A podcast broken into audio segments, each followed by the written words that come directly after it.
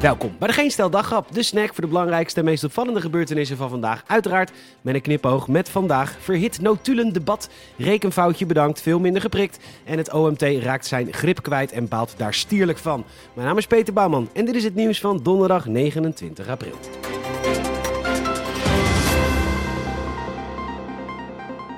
Spanning en sensatie alom in de Tweede Kamer vandaag, want daar was het debat over de eerder gelekte notulen van de ministerraadsvergadering over de kindertoeslagenaffaire. De notulen zijn bij hoge uitzondering vrijgegeven en daar werd over gesteggeld.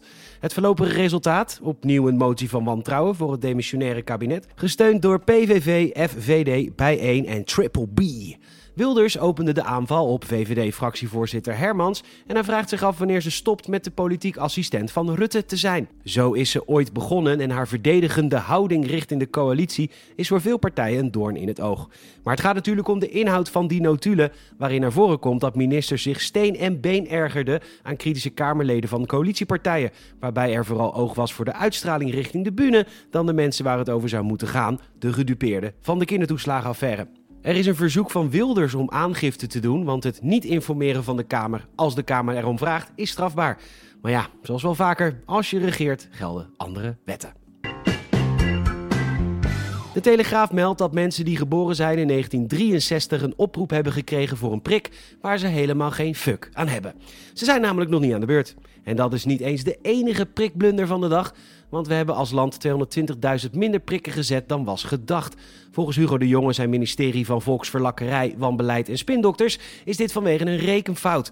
Datzelfde ministerie zegt nog steeds dat het streven is dat op 1 juli iedereen een eerste prik heeft gehad. Ook een rekenfout. Het eerder getoonde vertrouwen in Hugo de Jonge, een totale rekenfout.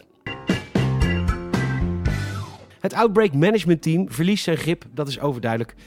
En het is ook niet makkelijk, want ruim een jaar lang hebben ze soeverein mogen regeren over Nederland.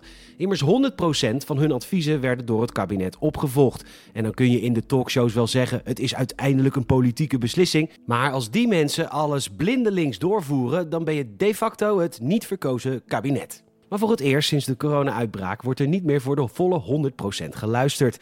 De terrassen zijn heel beperkt opengegaan om ons land een heel klein beetje lucht te geven. En dat vinden de bontetjes en de koopmannetjes natuurlijk helemaal niet leuk. Zeker niet nu ook Ernst Kuipers, voorzitter van het landelijk netwerk Acute Zorg, bij Bo iets gezegd heeft wat ze niet uitkomt.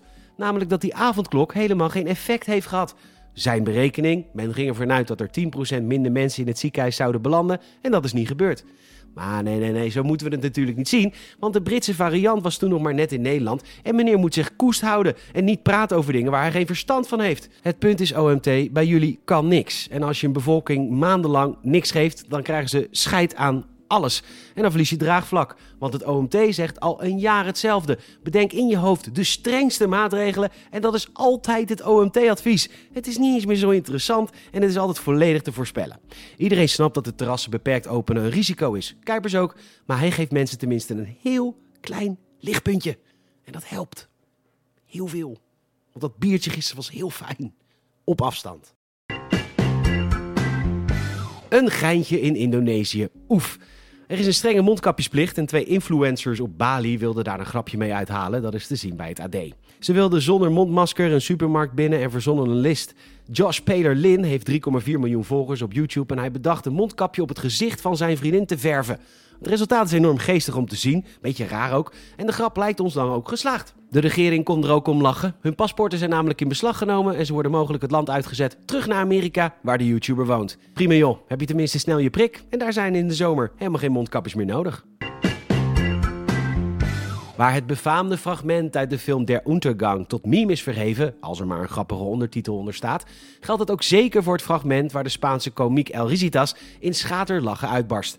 Het fragment uit 2002 is wereldberoemd, maar helaas is de man ons vandaag ontvallen op zijn 65ste levensjaar. Maar hij zou eeuwig bij ons zijn en altijd zal hij ons doen meelachen.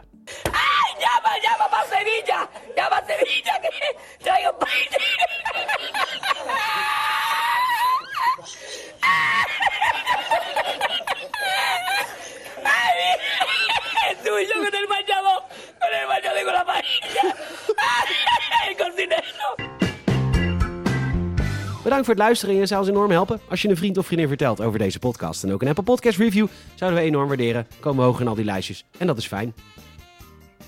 Ja, tot morgen.